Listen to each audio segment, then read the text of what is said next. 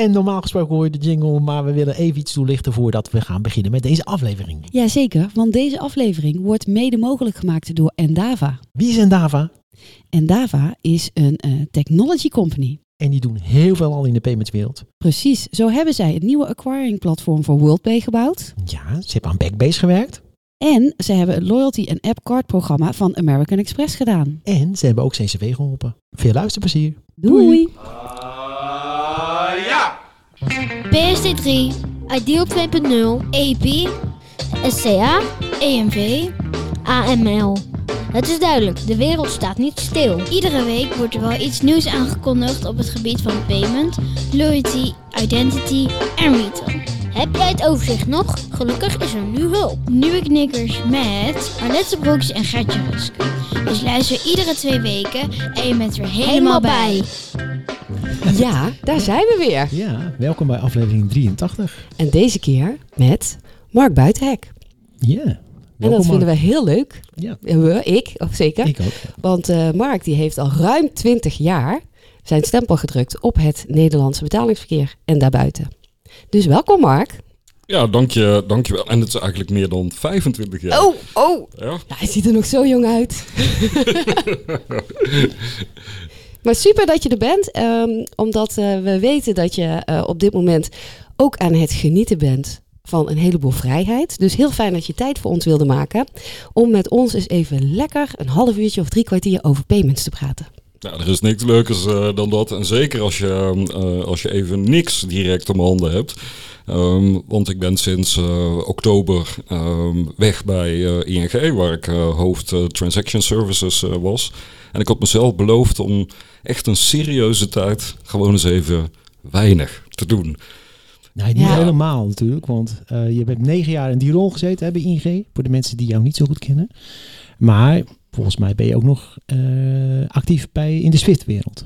Ja, dat klopt. Ehm, en, en wat eh, beloofde een, ehm, laten we zeggen, een mooie overzichtelijke klus eh, te worden als eh, vicevoorzitter eh, van SWIFT, veranderde in december plotseling in ehm, ja, een, een echte baan, omdat de voorzitter van SWIFT eh, besloot om eh, na 16 jaar eh, te stoppen. En plotseling werd ik, eh, de, zoals dat zo mooi heet dan in het Engels, de acting chair.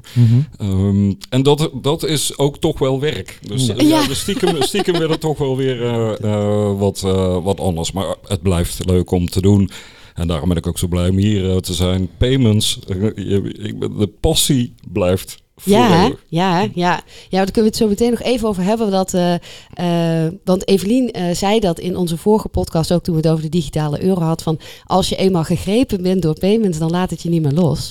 Het is ook zo. Het is een Ja. hotel. Ik heb dat bij al mijn afscheidsspeeches ook gezegd. Het is een hotel California. And You can check out anytime you like, but you can never leave. Ja, is ja, echt zo. ja, daar heb ik toch wel gelijk. En even Ja. een vraagje af, want je bent Ja. eigenlijk veel meer een marketeer. Van, voor origine, toch?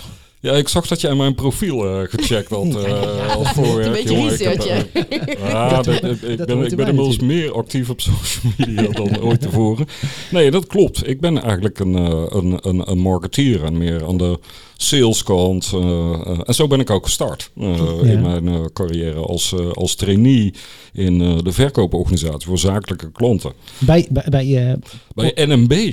Eh, de ja, Nederlandse Middenstandsbank. De Nederlands gemiddelstands. zo, dat is van eh, voor mijn tijd. ja, de is- NNB denkt met u mee. Dat was Oh. credo, toch? Ja, precies. Ja. En eh, dat- ik, ik vond het ook wel mooi. Ik ben daar eh, eh, begonnen. ehm 88 en ik ben vertrokken in 22, dus het is allemaal. Het, Oh, het- ja, ja. Het, het- het klopt allemaal wel heel mooi Mhm. eh, bij elkaar. Dus ik, ben- ik ben daar gestart in de verkoop met klanten. Ehm, eh, ik ben kantoordirecteur geweest in onze verkooporganisatie eh, destijds. En op een gegeven moment ben ik gevraagd door eh, iemand die ik, die ik goed kende om ehm, iets te gaan doen op het gebied van marketing in Rotterdam en regio's en bedenken hoe kantoren eruit moesten zien, et cetera. Naast mij, we zaten in een grote open ruimte, naast mij zat een blok met jongens van betalingsverkeer. Die deden niks anders dan vragen beantwoorden en stortingen, et cetera. En ik vond het echt machtig interessant. Om dat mee te luisteren. En af en toe waren die kerels op pad en dan ging de telefoon. Dan moest er iemand de telefoon oppakken. en ik had inmiddels eh, een half jaar naar die jongens geluisterd. Dus ik denk, nou laat ik de telefoon eens een keer oppakken. En nou ja, eigenlijk dat heeft me wel een beetje gegrepen. En de volgende baan uh, was een baan in Amsterdam.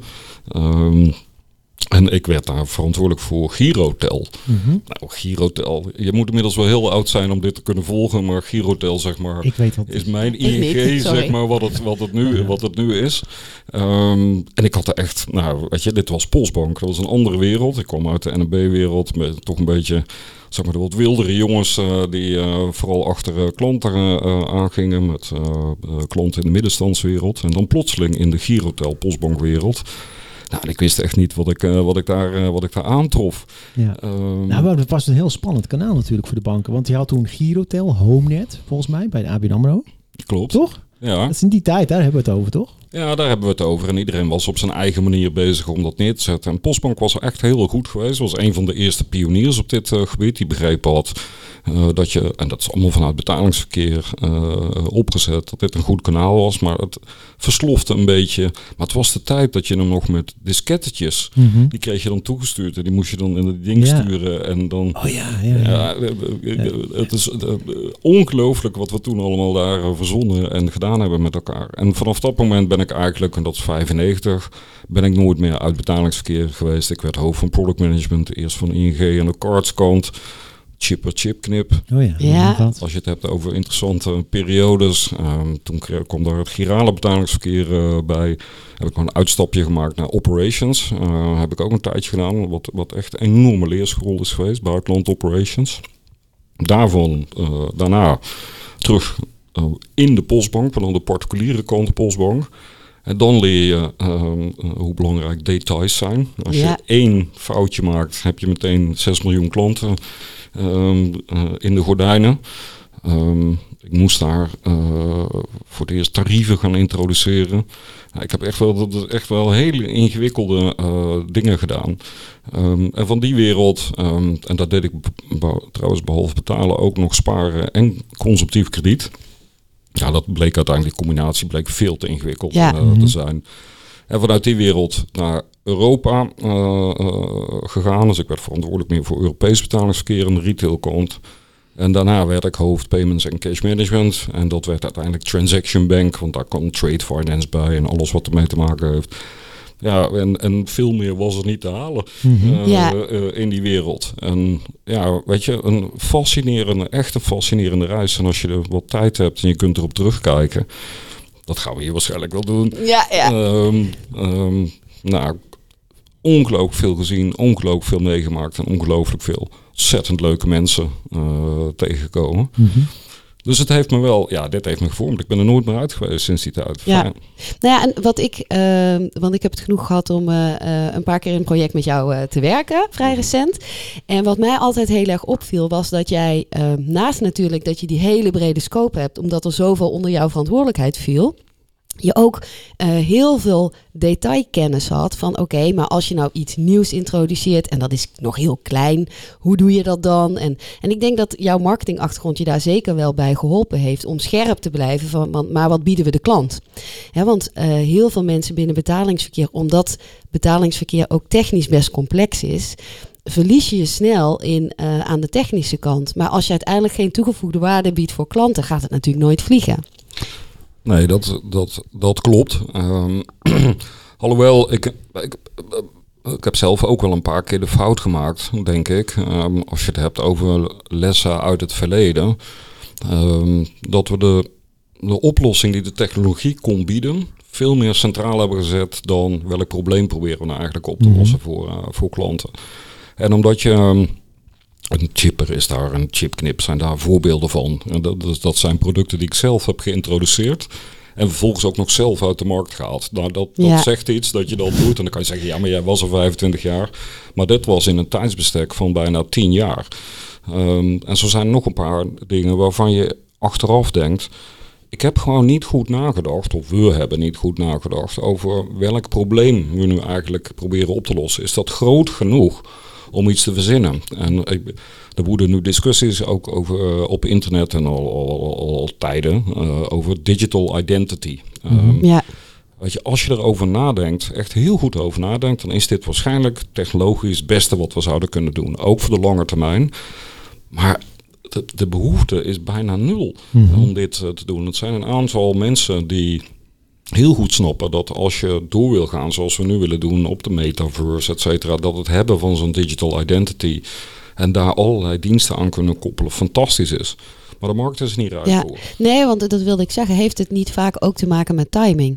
Timing is, ik heb, ik heb wel eens een onderzoek gedaan als je het hebt over introductie van producten. Eh, wat zijn nou zeg maar, de, de, de drie of vier belangrijkste dingen waarom productintroducties mislukken?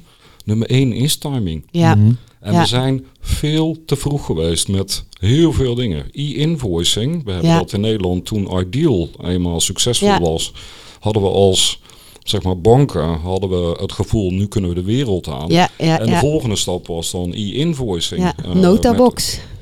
met- nou, Nou, exact. dat was ook ik- wel heel ingewikkeld. ja, maar dat, nou precies. En daar is de uitvoering niet goed geweest. Hè. Dat is ehm, in plaats, kijk, Ideal is ontstaan omdat eh, drie grote banken in Nederland hadden allemaal eigen oplossingen. Uiteindelijk zijn we bij elkaar gekomen, zijn we gaan zitten. eh, en zoals dat dan gaat, presenteert iedereen eerst zijn eigen oplossing als de beste oplossing. Ja, ja. Dan besluit je dat een compromis beter is, levensgevaarlijk. Ehm, en gelukkig hebben we met elkaar toen het compromis, en iedereen was super blij in dat project, dat er een compromis lag. En wij keken elkaar aan toen de presentatie kwam van onze eh, product managers en onze engineers. En wij keken elkaar aan en zeiden, dit is misschien wel het beste compromis, but it's not gonna fly. We moeten iets maken wat mensen simpel... Daarna zijn we heel gefrustreerd met elkaar een bier gaan drinken, of wijn, of wat het, wat het ook was. En na drie glazen wijn kwam het bierveeltje op tafel. Ik als je nou alles, weet je, vergeet alles wat we gedaan hebben, we leggen het op tafel. Hoe zou het er dan uit moeten zien?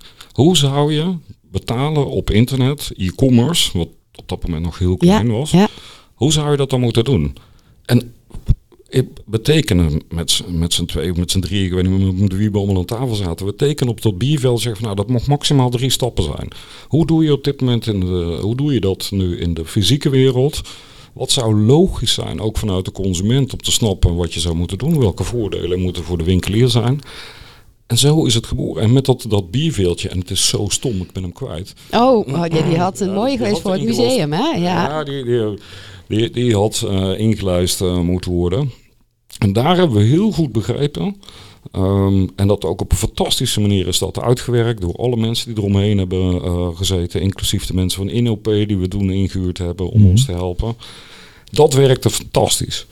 Nou, en natuurlijk, het duurt een tijdje voordat het, eh, eh, voordat het er uiteindelijk staat. Maar we hadden heel goed begrepen dat je en consumenten nodig had en retailers. Two-sided markt. Ja, En met de drie, vier grote banken in Nederland heb je dan vrij snel op dat moment ja. heb je die twee kanten en kun je dat doen. Dus wij dachten, en het succes, weet je, dat binnen een paar jaar was dit, en nog steeds, is Ja, het best ja hockeystick, hè? Ja. Nou, daar weet je alles van. Ja.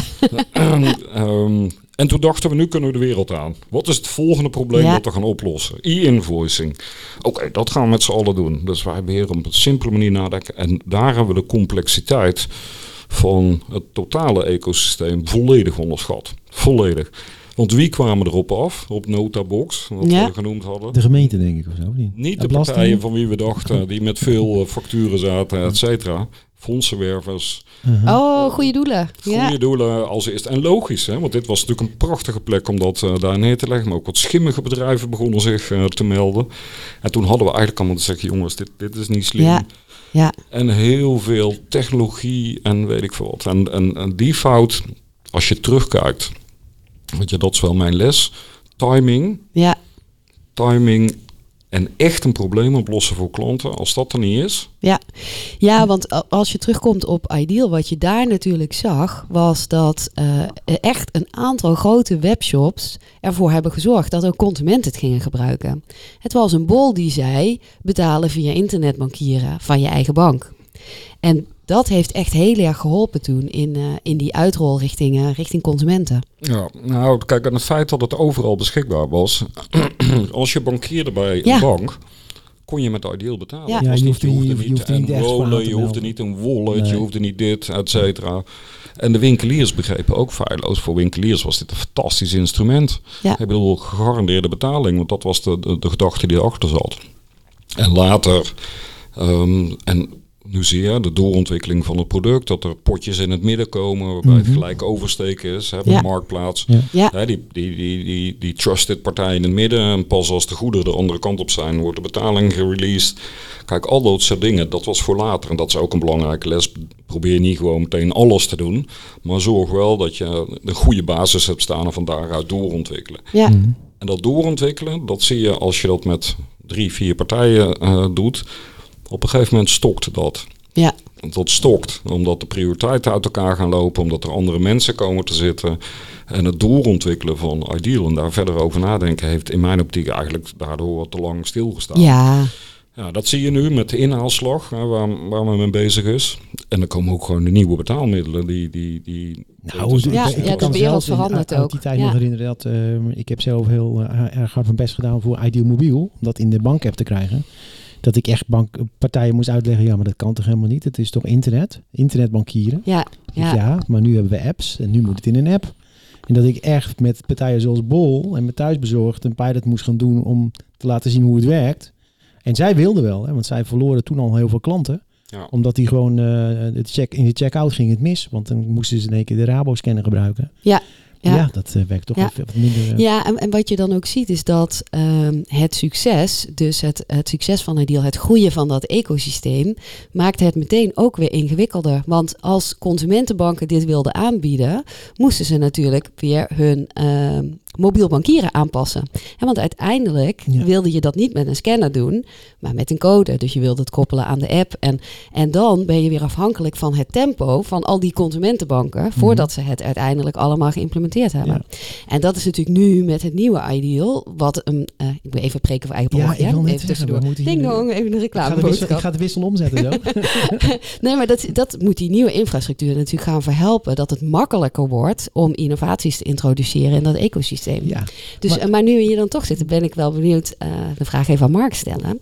Hoe zie jij die toekomst dan? Hoe eh, verwacht jij dat zich dat allemaal verder gaat ontwikkelen? Ja, dit is eigenlijk de vraag die je helemaal aan het einde moet stellen. Hè? Van wat is dan de, Nee, dan de hebben we het over jouw toekomst.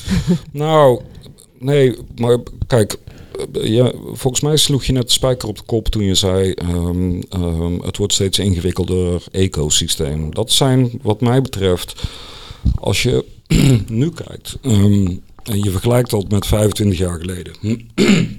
25 jaar geleden, zeg maar, was het eh, ecosysteem, de technologie, de connecties, de producten, et cetera, waren in de hand van banken. Ehm, dat is in de afgelopen 25 jaar radicaal gewijzigd. Het ecosysteem dat we nu kennen met fintechs, big techs, toeleveranciers, offshores. 20 jaar geleden haalde geen bank het in zijn hoofd om zijn betalingsverkeer te outsourcen. Ergens. Dat is, weet je, aan alle kanten is dit een voorbeeld van een industrie waar, nou ja, semi monopolisten.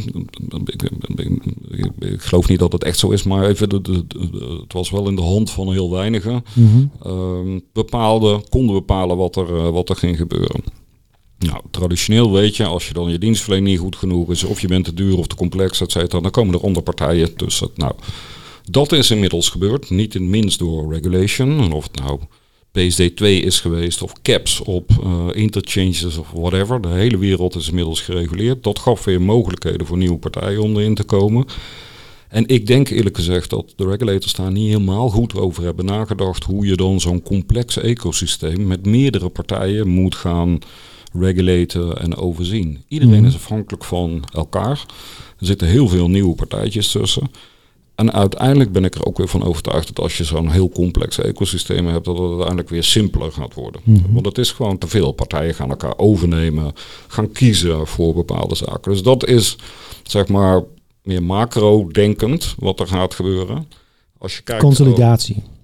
consolidatie is in die end, hè, we zitten nu nog, zitten we, nou alhoewel, de wereld van echt top-innovatie. hebben We, nu, we zijn wel over dat hoogtepunt heen. Je ziet Mhm. nu de consolidatie overal. Hè. Ja, dus eh, al die partijen die, die in de COVID-periode immens gegroeid zijn, 10.000 mensen hebben aangenomen, die moeten ze nu weer afstoten. Je ziet dat eh, omdat de rentes hoger zijn, hebben investeerders weer alternatieven. Dus het gratis geld en de bakken Mhm. vol met geld, die komen niet meer. Maar de, het gevecht ehm, om wie consolideert nu wat en wie krijgt uiteindelijk de macht, daar zitten we middenin. Ja. En dan is maar de vraag wat banken in dit eh, gebied zullen doen. Ik vond het wel heel grappig om te zien. Twee weken geleden werd ehm, eh, de eerste transactie mogelijk op een dinsdag, geloof ik, eh, om met je bankpas in het OV te betalen. Ja. Iets wat wel Ja. lang, weet je, in, in, als je in Londen bent, dan ben je dat al volledig gewend. Mhm. Ehm, en en de, de grap is natuurlijk dat eind jaren 90 van de vorige eeuw, nu klinkt heel laat, ja. was dit al, speelde dit al? Zouden dit met chipknip en chipper en weet ik veel wat genoemd? We zijn uiteindelijk afgehaakt omdat we het veel te ingewikkeld vonden en de hardware en de infrastructuur en veel te complex. En de grap is nu, het is weer teruggekomen bij Ja. de banken. Omdat, Nou, die, Ja. Dat, dat, omdat die het toch hebben. Dus in dat opzicht, ik, ben best positief over of banken daar nog een rol in zullen blijven spelen. Je hoorde ook eh, vorige week Evelien Witloks iets zeggen over de digitale euro en dat die waarschijnlijk gedistribueerd gaat worden via via banken. banken en eh, eh, betaalinstellingen, et cetera. Dat is wel heel prettig om dat te horen. Want anders zou er een, weer een apart circuit gaan Ja. ontstaan. Maar de dominantie en met name de, de beschikbaarheid van kapitaal... die is veel minder groot bij banken. Banken moeten met elkaar samenwerken om iets op tafel te leggen... en een ecosysteem te bouwen. En dat is een hele ingewikkelde beslissing, omdat betalingsverkeer zeker in de afgelopen jaren nou niet echt het winstgevende stuk is eh, geweest van de Mhm. banken. Sterker nog, hè, zwaar verlieslatend in eh, 2021 in Nederland. Terwijl de grote big techs hebben vele diepere zakken Mhm. en snappen dat identiteit betalen, eh, informatie over klanten, dat dat een strategisch onderdeel is. En misschien stappen ze er niet direct in, in bankeren, maar wel indirect. Ja. En houden Ja. ze grip op. Nee, zeker. Ja, Maar, maar ja. kijk, eh, je- waar je had het net over het ecosysteem is complexer geworden. Die zie ik ook als je alleen al naar eh, mobiel betalen kijkt met je iPhone. En wat er voor partijen er allemaal in die keten zitten, dat zijn er enorm veel. Maar banken hebben natuurlijk wel de monopolie gewoon op het geld, op het digitale geld. Nou, dat is niet zo. Hè. De, banken hebben eh, eh, geen monopolie. Nou ja, ik, ik stel nu ook even iemand. eh, ik, ik, ik, ik, citeer nu eigenlijk een Tweede Kamerlid die een mooi boek heeft geschreven over het nieuwe geld. Van wie wordt ons geld? Meneer Aukaya. En voor een deel in zijn verhaal, het boek wat hij geschreven heeft, ga ik wel met hem mee. Want ehm, we hadden het straks over in de intro over digitaal en homenet. We brachten vroeger het geld naar onze bank. Daar werd het gestald. Banken doen er wat mee, die zetten het weg. Ehm, uiteindelijk hebben we de toegang eh, digitaal is geregeld. Je kon je, bank, je geld op je bankrekening zetten. En we hebben uiteindelijk geregeld met systemen zoals digitaal, digitaal en HomeNet dat je toegang had op afstand. Eh, uiteindelijk eh, is, kwam de internetbanking, kwam Ideal. Maar in die zin, die banken beheren wel natuurlijk nu, tot nu toe nog steeds ons digitale geld. Nou ja, kijk, da da daarom denkt ook ehm, eh, de ECB na over de digitale euro. Hè. Ja. Ik bedoel, en, eh, eh, in, in, zeg maar, we- komen uit een wereld waarin alles wat cash is, papier en, Mhm. en munten uitgegeven wordt door centrale banken. Dat was vroeger DNB dat is nu de ECB die dat voor ons doet in Europa. Daarna was er commercieel gecreëerd digitaal geld door banken. Mhm. Dat is eigenlijk wat er gebeurd is. En mensen zien dat onderscheid elkaar ook helemaal niet meer. Weet je? Daarom is ook Nee, het digitale ja. euroconcept is best ingewikkeld om Dat lijkt me ook. uit te leggen. ja, Wat, wat ja. je creëert in een digitale wereld, creëer je eigenlijk, nou ja, centrale bankgeld. En Mhm. mensen snappen dat niet, Nee. want digitaal is nu synoniem met wat banken doen. Is mijn app? Ja, Precies. ja maar En mensen... dat, dat maakt het dus wel. eh, En, en, en zou je dat dan bij de ECB moeten neerleggen? Weer andere partijen zeggen nee.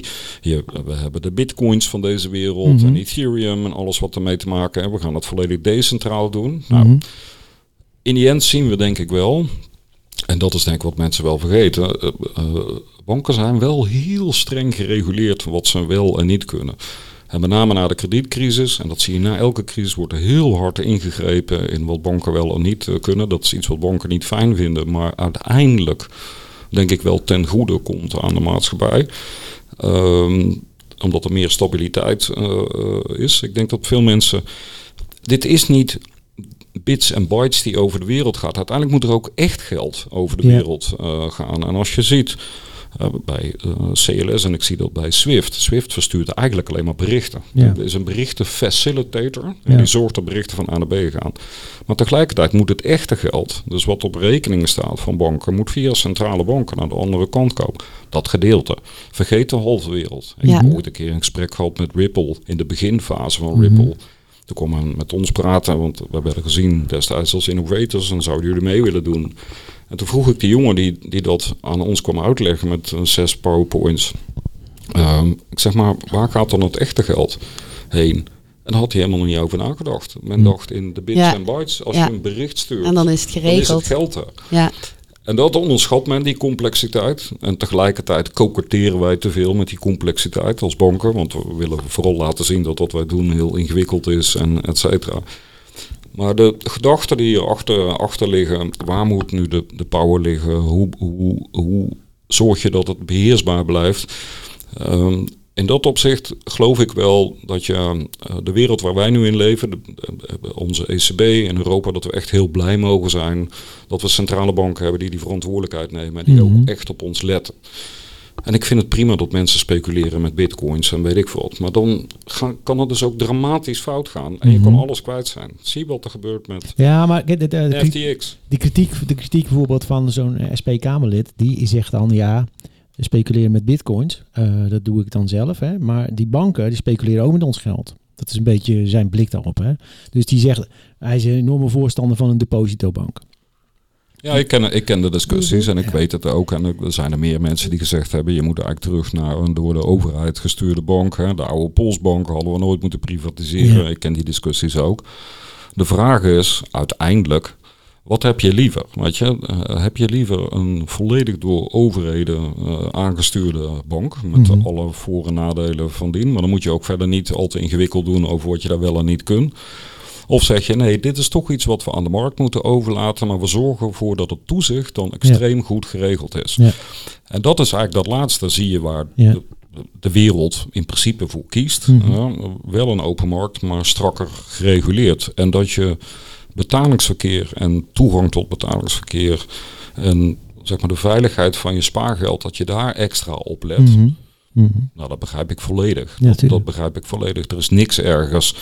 Kijk, ik heb, ik heb ook rekeningen eh, bij andere banken en rekeningen in, eh, in het buitenland. En die kan ik alleen maar met mijn apps eh, besturen. Op het moment dat die app niet werkt en ik kan er niet bij, word ik toch best nerveus. Daar kan je stellen. Ja. Ja. Ja. Weet je, dus ik, ik, ik snap dat donders goed. En tegelijkertijd, in een meer complexe wereld zie je dat eh, toezichthouders, maar ook overheden, eh, steeds verder gaan in controls. Mhm. Hoe complexer het wordt, hoe meer controle je wil hebben. Dus hoe meer regeltjes je Ja. wil hebben. Ik praat wel eens met ondernemers die. ehm, vrienden van mij hebben eigen bedrijven en, en, en doen wel wat. En als je dan vertelt hoeveel spelregels eh, je aan moet houden als je in de bankaire sector werkt, dan zeg je ja, maar zo kan ik toch geen bedrijf leiden. ja, Dus dat je blijft altijd, ehm, en dat is omdat het met geld is, eh, over geld gaat, wat dus heel belangrijk is. Je blijft altijd, je kan nooit volledig de vrijheid hebben. Dat zie je nu eh, wat er in, eh, zeg maar in de bitcoin wereld, nou zo mag ik dat eigenlijk niet noemen, maar de nieuwe. Ja, ja. ja. En je hebt het andere uiterste waarin je volledig door overheden gecontroleerd Ja. wordt. En de waarheid zit toch, ehm, eh, denk ik, in het midden. En Ja. dus ja, jongens, we, we kunnen het allemaal niet leuk vinden als banken of als Nee. eh, electronic money eh, institutions of als PSP's.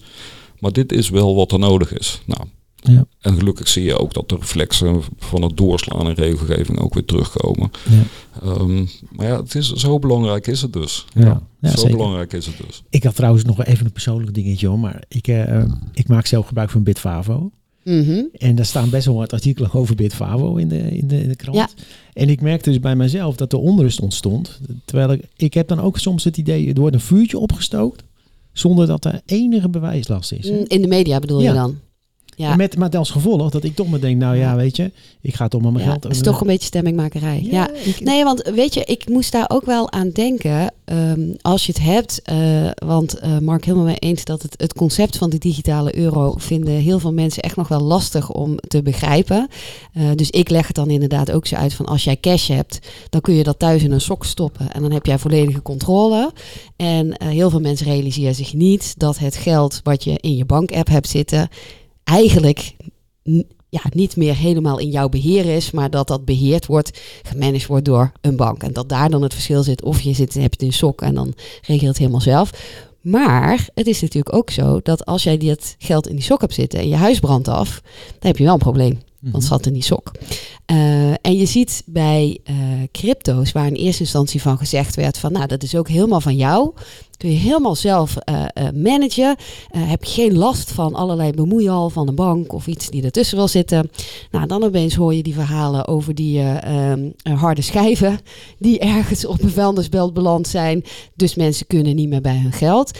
En je ziet dat heel veel mensen, en Gert-Jan is hier nu het levende voorbeeld van, toch kiezen dan voor een partij daartussenin die het makkelijker maakt. Een Zo- exchange die een wallet ja, zoals een Bitfavo. Dus je ziet dus toch dat mensen het eigenlijk heel prettig vinden dat er iemand tussen zij- zit die het een beetje makkelijker maakt. Ah ja, even ehm, een paar jaar geleden, ehm, twee of drie jaar geleden, tijdens een virtuele Cybos, eh, dat is de, zeg maar de, de jaarlijkse bijeenkomst van SWIFT, sprak ik met een aantal banken buiten Europa. Eh, in, in Europa en zeker in Nederland zijn we veel voorzichtiger geworden met cryptocurrency. In de beginfase hebben we echt wel meer geëxperimenteerd en leek het alsof er meer kon. Maar je ziet dat in, in Nederland is men wat terughouder in Europa in zijn algemeenheid, maar niet in Azië. En ik sprak daar met een, eh, eh, een bank uit Singapore. En die vertelde me, dat zijn van die momenten waarbij je een beetje kunt uitwisselen met elkaar van waar ben je mee bezig, et cetera. Dat gaat allemaal niet over topbedrijfsgeheimen, maar gewoon denkrichtingen. Hun grootste, eh, en dit is 2020, 2021, hun grootste stijging in revenues kwam van het beheer van cryptocurrencies. Mhm. Die bank beheerde dus niet de Bitfavo's, maar de bank. Ja, Dat is wel grappig. Ja. De bank werd, eh, wordt dus, bij heel veel mensen zien banken dus als niet betrouwbaar of heel raar. Maar als het uiteindelijk gaat over het beheren van je geld, ja, zelfs de cryptocurrencies, was dat de plek. Mhm. Dus Ja. asset management van dat soort was de grootste stijging in de business die ze hadden. Mhm. En wij mogen dat niet eh, eh, hier, althans ik geloof dat we dat niet mogen, eh, eh, dit, soort, eh, dit soort diensten. Maar je ziet dus ook dat uiteindelijk kom je dan toch weer, we schelden veel op banken en soms is dat ook terecht. Maar uiteindelijk als het gaat over toch het gevoel van veiligheid en betrouwbaarheid, Ja. komen we toch weer bij de bank. ja, ja, ja, maar daar helpt die regulering natuurlijk ook weer Ja, bij. Dat je dat denkt, ja, er zijn altijd andere mensen die nog meekijken dat zo'n bank het goed geregeld heeft. Ik denk over het e- algemeen, we hebben het hier ook wel eens over de integriteit van onze bankbestuurders gehad, dat het hier best wel goed zit. Ik heb dan nooit, dat is ook een beetje de kritiek als ik zo'n boek lees van Alkaya. Dan worden bankiers dan neergezet, allemaal mannen in, eh, in eh, mannen. In, in, Cowboys. In, Cowboys zijn in, dat. in, in strijpkreet, zeg maar. Of eh, hoe heet het? Is, wat zeg ik nou? Wat zeg ik nou? Ja, Krijtstreep, Pak, krijtstreep. krijtstreep pakken. krijtstreep pakken. Die vooropgezet, ja, eh, dat digitale geld met elkaar hebben gecreëerd Ja. bijvoorbeeld. Ja, dat is natuurlijk gewoon Die in achterkamertjes met Als je elkaar het al zou willen organiseren, dan krijg je het niet georganiseerd. Nee. Weet je. Eh, Het is, en, en, en, en als je gewoon kijkt naar de economische crisis, ja, die is uiteindelijk, uiteindelijk ergens in de Verenigde Staten ontstaan. En als een lawine onze, nou ja, daar, daar begon het toch met foute producten. Nou, Het- daar, het- daar in de Verenigde Staten is het getriggerd uiteindelijk. Precies, ja. Maar de De, verwevenheid. precies, de de vervlochtenheid. verwevenheid, en dat bedoelde ik dus ook met het ecosysteem. Ja. Dit was hè, de, de, de CDO's in de voorverpakte Ja. eh, eh, hypotheken, die vervolgens op een andere manier gerate werden, et cetera. Met enorme hoge rendementen. Mhm. En dat wordt wel aangejaagd ehm, door ja, de noodzaak ook voor dit soort partijen om hoge rendementen te halen. Want je staat aan de beurs. En als Ja. je aan de beurs staat en jij bent een degelijk aandeel wat gemiddeld, weet ik veel wat, 4, 5 pro- eh, procent rendement doet. En er zijn partijen om je heen die 10, 12 doen. Ja. Dan ontstaat daar ook druk. Dus het, het grappige is uiteindelijk hè, dat we dit als, en nu praat ik even niet als bank, maar als mensen, wij willen ook rendement hebben van ons. We moeten hoger spaargeld, uh, hoger Maar- rendement op ons spaargeld, hoger rendement op dit, hoger rendement op dat. En we willen de prijs daar eigenlijk niet zo voor betalen. Ja. Je, de, de harde reset, de harde werkelijkheid Ja. is natuurlijk, en dat zie je. eh, Even, eh, helemaal off topic, eh, maar dat zie je nu met ons, onze energie en ons gas Mhm. Wat er gebeurt als, als zeg maar geopolitiek iets totaal veranderd, het systeem gecrashed wordt, Hmm. wat de impact is. Wij denken, jij denkt er ook niet na over hoe lang je gaat douchen. Ehm, Nu wel, als, als jouw rekening 100 euro per maand is. Nee. Op het moment Nee, die op is ja. gelopen naar 1000, Dan ga je je toch iets anders over, over nadenken. Dus ik, ik, ik snap het, maar het complotdenken, hè, wat Ja. hierachter zit, dat Ja. het een vooropgezet plan, dat is in het gros van gevallen echt gewoon niet Ja, het is niet eens mogelijk. Nee. En heel veel dingen ontstaan ook gewoon, laten we ook gewoon eerlijk zijn, Ja. door toeval. Ja, maar het is ook hebzucht, denk ik, Mark. Hè? Dus eh, wat we ook bij consumenten zit. Ik, in de iSafe-periode kan ik me nog herinneren. Iedereen vluchtte naar iSafe. Heel veel mensen zeiden, jongens, dit kan niet. Ja, En ja, uiteindelijk gaat, zo'n, gaat, het dan, gaat het dan mis. En dan denk ik ook, ja, het is ook greed, wat uiteindelijk ten, grond- hè, Ja, wat, ja. wat er zit. maar ik denk ook dat dat wel iets is wat eh, de laatste eh, jaren steeds eh, meer groeide. Dat iedereen zoiets had van ja, als je het niet doet, dan ben je een dief van je eigen portemonnee. Ja, maar- Met heel veel verschillende dingen. Terwijl eh, je je inderdaad ook moet realiseren van ja, maar wat zit erachter? Hè, leuk, hoog rendement is leuk, maar wat zit erachter om uiteindelijk aan dat hoge rendement te komen? En is dat dan wel zo oké? Die, Nou die eigenlijk die eigen eh, moreel kompas, dat zouden mensen gewoon veel scherper naar moeten luisteren. Mhm. Ja, maar ik vind het verrassend om te zien, en dat geldt ook voor mezelf, hè, dat ehm, de lessen die je leert, hè, we hebben eh, begin van dit eh, millennium, hè, was, was de internetcrash, hè, dus de dotcom-bubbel. Mhm. Ik kan me nog herinneren dat wij eh, trainingen kregen. Uh, de eh, management van ING moest op training, moest een nieuwe wereld leren, on- eh, leren snappen. Wat ik ook machtig interessant vond. Maar daar was het adagium, winst is niet belangrijk, het gaat om groei. Ja, Ja, weet je, dat, dat was het Ja. denk je, oké jongens, dit moeten we echt goed onthouden. En vervolgens zijn we tien jaar verder, 15 jaar verder. Hè, dus laten we zeggen 16, 17. En we, we kijken weer op precies dezelfde manier. Het gaat, niet om, het gaat niet om winst, het gaat om groei. Uiteindelijk gaat het natuurlijk wel om winst. ja, Ja. Want als je geen winst maakt, of in ieder geval, in ieder geval in staat bent om je kosten eh, terug, eh, terug te verdienen, dan heb je toch een probleem. Ja. Weet je, en dat soort simpele economische principes. Dus ik heb geleerd te wantrouwen. En iemand heeft me dat ooit verteld. Als iemand drie jaar lang de markt verslaat en 10, 15 procent meer rendement ga- maakt, dan wordt dan argwanend. Dan gaat er, doen ze of iets wat niet kan, of wat niet mag, of wat niet zou mogen eigenlijk. Wees daar alert op, op dat soort eh, dingen. Dat eh, zorgt ook dat ik een veel te behoudende belegger ben. En helemaal nooit mega rendementen hebben gemaakt. Uh, maar tegelijkertijd voel ik me daar wel prettig bij. Uh, want ik weet dat het goed zit. En overigens over iSafe, de iSafes van deze wereld uh, gesproken. Uh, tijdens de negatieve spaarrentetijd ben ik ook gewoon op zoek gegaan naar alternatieven. En ik durf nu wel geld in een Franse bank te steken. Omdat ik weet dat daar een depositogarantie achter Ja. zit. Ja. Weet je, dus in dat opzicht heeft iSafe ook weer iets heel goeds gebracht. En Mhm. heeft iedereen zich beseft, en dat was niet alleen iSafe, hè, de hele kredietcrisis, dat er toch een mate van bescherming moet zijn. Dus in plaats van dat je nu denkt, nou, als ik hier geld in stop, komt het dan wel terug. Ja. Nou, weet je, dat voelt, dat voelt best goed. Zolang de overheid ook stabiel is. Ja. ja, ja, want anders dan eh, Ja, kan maar er nog dat steeds is ook niet... niet, eh, overal ja. meer het geval. Nee, Ja, Nog heel ja. even over die kredietcrisis. Hè. Ehm, dat schiet me dan even toch te binnen. Die rating agencies. Gaan nu wel alle kanten op. Ja, ik dat was weet van ik, maar dat, dat, dat heb je last van als je hier zit eh, aan tafel. Hè. We gaan zo weer terug naar betalingsverkeer. Maar is daar nou iets veranderd?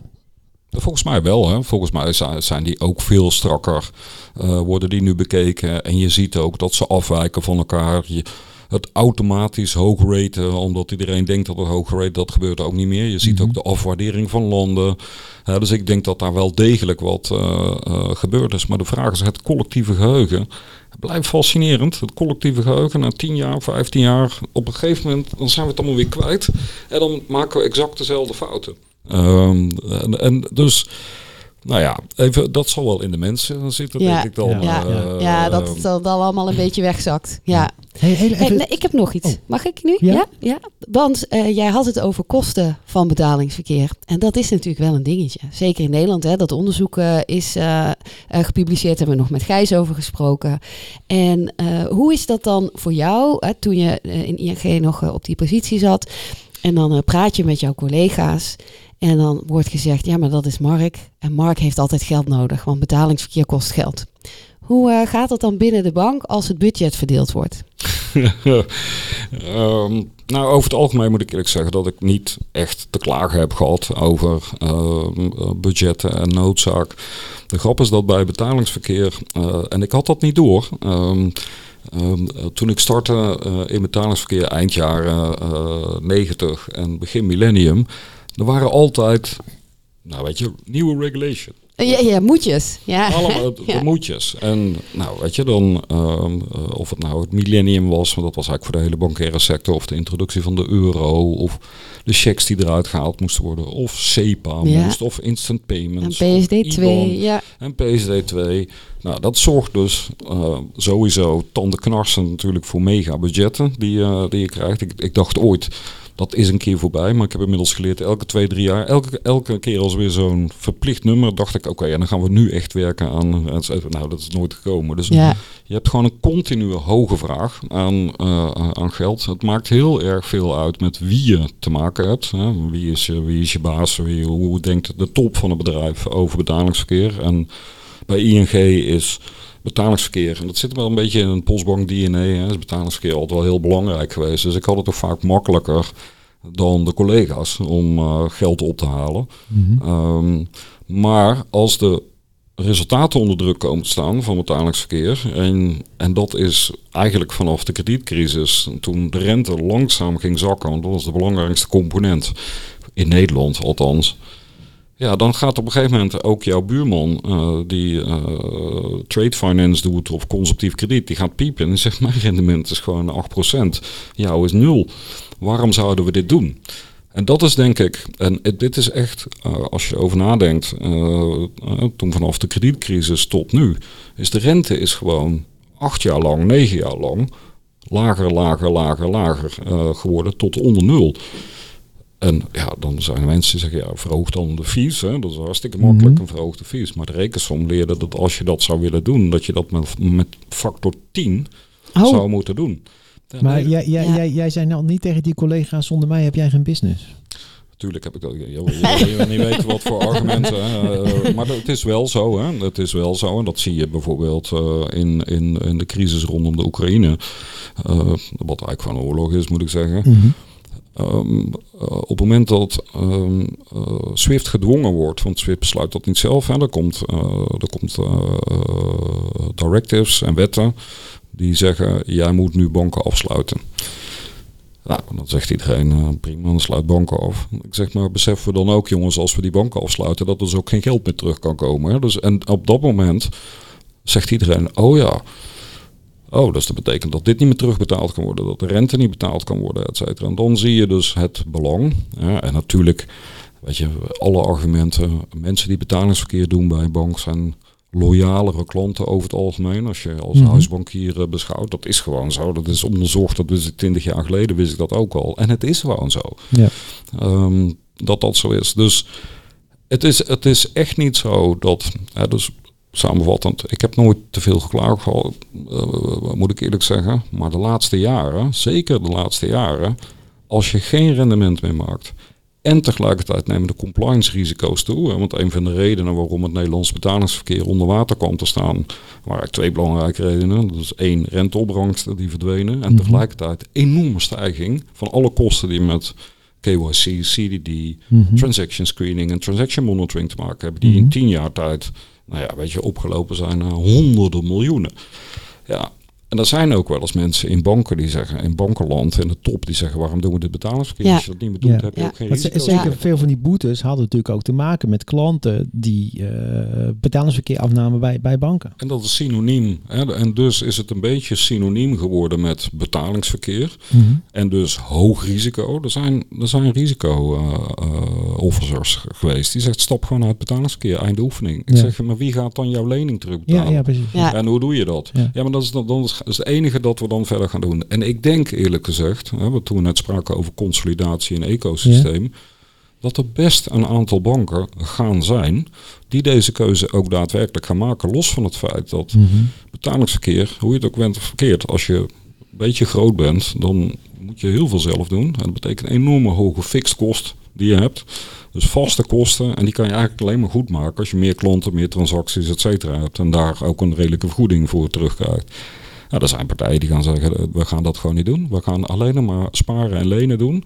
En we laten betalingsverkeer via een betaalinstelling lopen. Wegwezen. Zouden Ja. we weer een hele grote Interpay kunnen richten- oprichten in Nederland?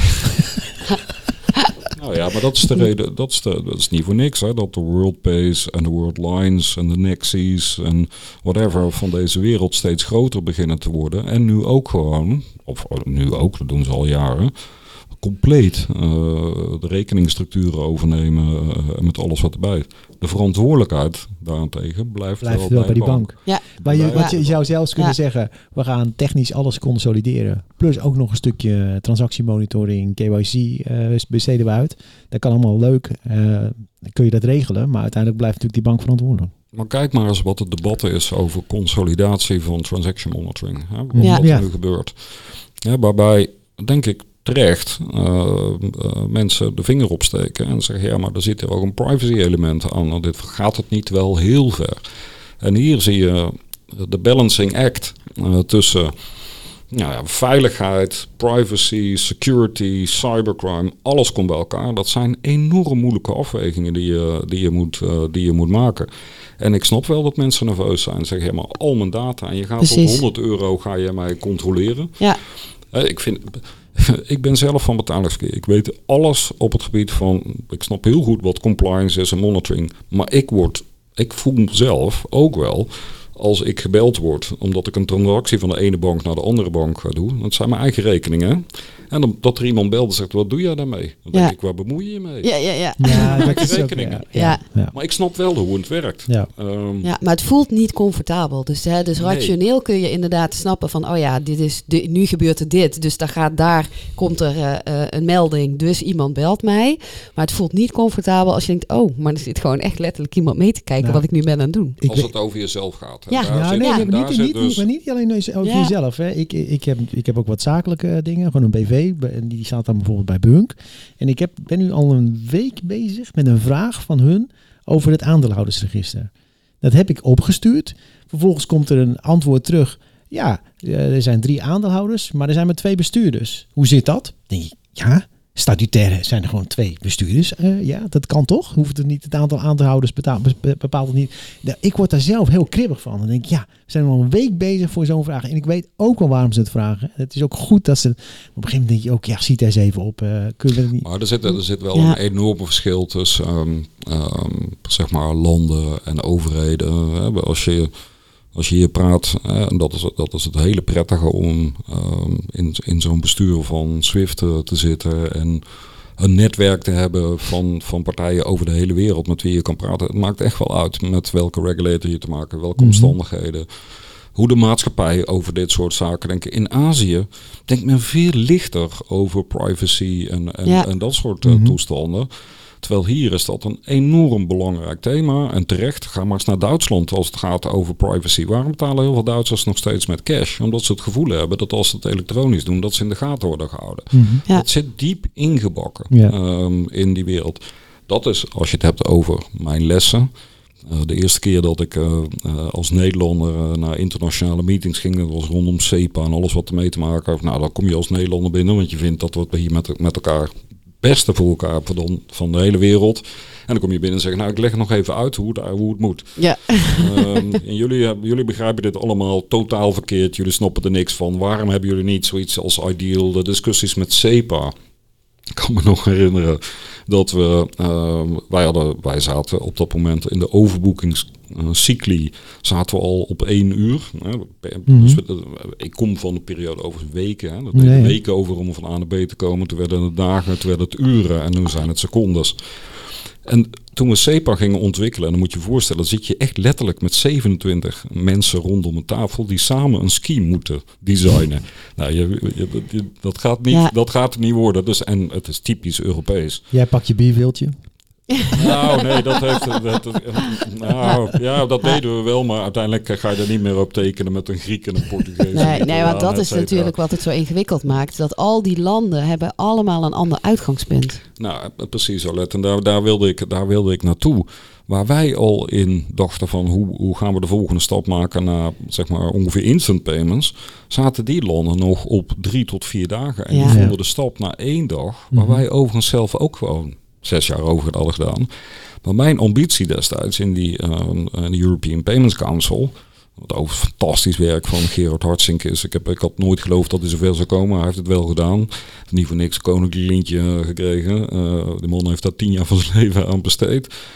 En ik wilde de, zeg maar de, de, de, de ambitie zo hoog mogelijk neerleggen. Jongens, dit is onze kans om zeg maar to leapfrog de andere kant op. Alleen ons startpunt was natuurlijk anders. En dan kom je als Nederlander, en we hebben veel te grote mond, kom je daar binnen en we zijn ook niet handig om dat goed eh, neer te leggen. Nee. Zo hebben we ook geprobeerd de Ideal in Europa eh, neer te Ja. zetten, ook mislukt. Ehm, en nu komen ze terug. Hè. Nu snappen ze dat het toch wel heel handig is. Ja, Maar de context en beter kijken van waarom denkt men nu zo? Waarom, waar komen zij vandaan en wat voor oplossingen hebben ze? Hè? Weet je, in Afrika, hè, alles wat daar eh, gebeurde, dacht je van, nou, het stelt er maar niks voor. Maar die mensen hebben gewoon met sms-berichten, et cetera, compleet circuit opgetuigd. Wij Mhm. zeiden, ja, dat kan, sms, dat kan niet, want 2% van de sms-transacties gaat fout. En als 2% fout gaat in betalingsverkeer, ligt betalingsverkeer plat. ja, ja. Dus wij konden dat.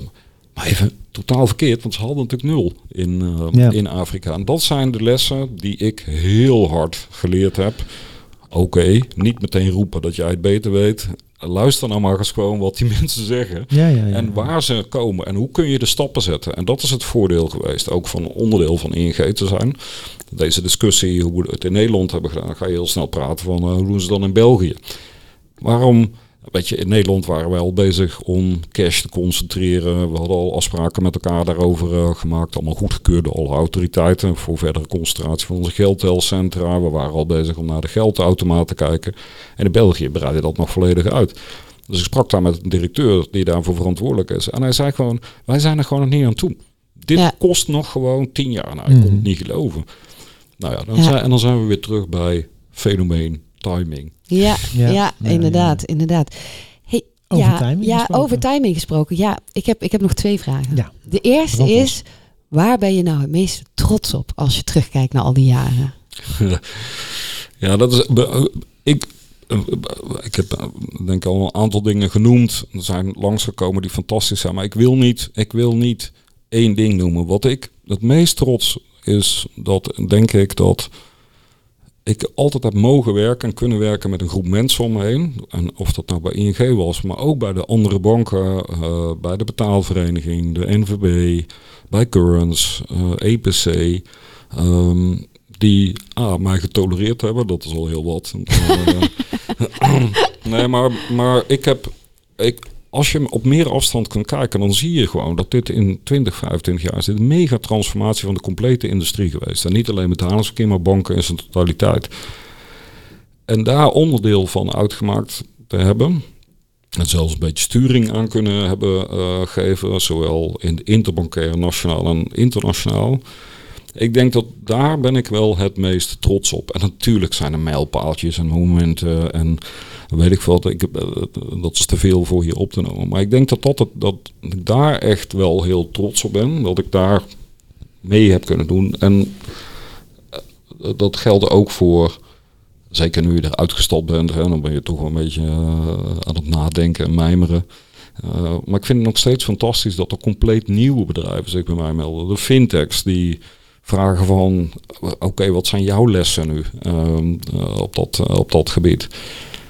Nou, dus ik denk dat, dat dat het is. En, dat ik, en ik meen echt over tolereren. Als ik, als ik nadenk over hoe ik in de beginfase was als, als leider, als manager. En ik ben nu, denk ik af en toe, jezus man, wat heb, zo heb ik het gedaan. Dat zou ik echt nooit meer doen. um, Dus eh, voor iedereen die luistert, die ooit voor mij gewerkt heeft of met mij gewerkt en ik heb het verkeerd gedaan, sorry, sorry. Ik ben nu helemaal anders. Nee, ja, ja, ik zei eerder al dat wij hebben samengewerkt. Ik heb onze samenwerking als heel prettig ervaren. Dus eh, Dat was wel in de, in de laatste helft van mijn carrière, Arlette. Precies. Misschien was het twintig jaar eerder veel erger. ja, ja, ja, wie weet, wie weet. Ja, en ja, mijn laatste vraag is eigenlijk terugkomend op de quote waar je zelf al mee begonnen. hè, Van eh, Hotel California, van de Eagles. You can check out anytime you like, but you can never leave. Wat ga je nu doen? Ja, eh, ik, eh, eh, toen ik net weg was bij Ingeo, eigenlijk voordat ik, toen ik het aankondigde dat ik wegging, dat deed ik in juli. wat trouwens, dat, dat is echt wel een hele moeilijke beslissing om, om, om te gaan. Maar ik vond het echt wel tijd, na 10, 12 jaar op, de, op diezelfde positie. Dan word je onmiddellijk benaderd. Dan word je onmiddellijk benaderd door vergelijkbare partijen eh, binnen en buiten Nederland, klein, groot, et cetera. En dan, vind je toch je ego heel belangrijk en dan ga je toch met die mensen praten, zeker als een CEO belt of eh, weet ik wat. En dan vind je het, ja, dit is wel heel interessant, eh, eh, dit spel. Maar het lijkt wel heel erg op wat ik gedaan heb. Ehm, zou je dat nog een keer willen doen? En ik was echt wel aan het praten, eh, totdat dat verhaal met Swift speelde. En toen moest ik alles stopzetten. Want ik heb me gecommit om in ieder geval, totdat er een nieuwe voorzitter is, te blijven zitten. Dat betekent dat ik niet weg kan naar een andere partij. Dat is zo simpel is het. Dus ik ben verplicht, waar ik eigenlijk al een beetje mezelf aan het inrommelen was, van nou ik ga, dit, eh, ik ga toch deze kant waarschijnlijk weer op. Ik moest alles stoppen. En wat ik nu mezelf heb voorgenomen is, ik ga alleen nog maar dingen doen die ik echt heel leuk vind, ongelooflijk leuk vind. Ik doe iets heel anders. Ik ben nu een schrijverscursus ben ik aan het doen. Ik heb Mhm. mezelf opgegeven. Ik, moet in een, ik zit in een klasje. En dan moet ik allemaal stukjes schrijven van 300 woorden. En beschrijf hoe iemand door een straat loopt. En hoe beschrijf je een landschap. En hoe zet je een dialoog op, et cetera. Je gebruikt geen chat eh, GPT. nou, ChatGPT, even als voorbereiding op deze call, heb ik wel ChatGPT eh gebruikt. Zeg, dus eh, had ik ingetoond, wat zijn nou de vijf belangrijkste dingen die in de Uh-huh. afgelopen jaren gebeurd zijn? Oh, leuk. Oh, ja. grappig. wel, grappig wel dat ze allemaal langskomen, maar op een mega abstract eh, niveau. En over mijn eigen belang, ik dacht, hè, wat, wat vindt de wereld nou van mij? Ik dacht, nou, ik vraag gewoon ChatGPT. Ja. Oh, ja. Wat vind Ja, je nou van briljant. Mij? Wij weten niks van u. Oh, echt waar? Dus zo relatief is het dan ook weer wat ik allemaal gedaan heb. En ik denk dat dat op dit moment mij karakteriseert. Ik zit er super relaxed in. Ik kijk wel. Ik heb geen haast. Ik weet dat ik tot juli eh, bezig ben met andere dingen. En ik denk dat dingen die mij moeten vinden, vinden mij wel. Ja, Ja. Ja, zeker. Zeker. Nou ja, nou deze podcast staat de telefoon gewoon rood gloeiend. hey Mark, kom bij ons, kom bij ons. Ja, want nog een vraag, want hoeveel tijd eh, ben je per week dan nu bezig met Swift? Ehm, dat ligt er een klein beetje aan, maar ik denk gemiddeld eh, twee dagen eh, ongeveer. En als je echt weer naar boardmeetings gaat, en zeker als we die fysiek doen, dan loopt dat op naar drie eh, tot vier. Dus ik heb ergens in de range 1-3. Dat is Ja, ja maar er blijft genoeg tijd over voor eh, eh, ontspanning en Zeker, greenfield nadenken over de toekomst. absoluut. Nee, dat heb ik. Eh, maar dat, dat- is ook een kwestie van leren hoe je dat moet doen. Je- dan moet je dus zorgen dat je niet alles verspreidt over de hele week, maar dat je alles Ja. op één dag concentreert. En dus gewoon de donderdag en vrijdag vrijhoudt voor podcast. Ja, ja nou hartstikke leuk. Mark, hartstikke bedankt voor vandaag. En ik hoop eigenlijk, dan kijk ik Jan aan, dat we je nog een keer mogen uitnodigen. Want ik denk dat we nog lang niet klaar zijn. Want we hebben het helemaal niet gehad over eh, open banking en account-to-account en card schemes die steeds meer samenkomen. En hoe je eh, die ontwikkelingen ziet. En daar ben ik toch eigenlijk wel benieuwd naar. Dus bij eh, allerlei eh, kwesties gaan we jou gewoon een keer eh, raadplegen. Wat Ja. vindt Mark ervan? Misschien Ja, moeten we er precies. een rubriek van maken. Ja, wat vindt Mark ervan? Ja, Hey, dank jullie wel voor het luisteren. En Mark, hartstikke bedankt dat jullie met ons deze podcast willen doen. ja, en fijn om te zien dat het zo goed met je gaat. Yes. Dank je. Hey, tot de volgende keer. Tot de volgende keer.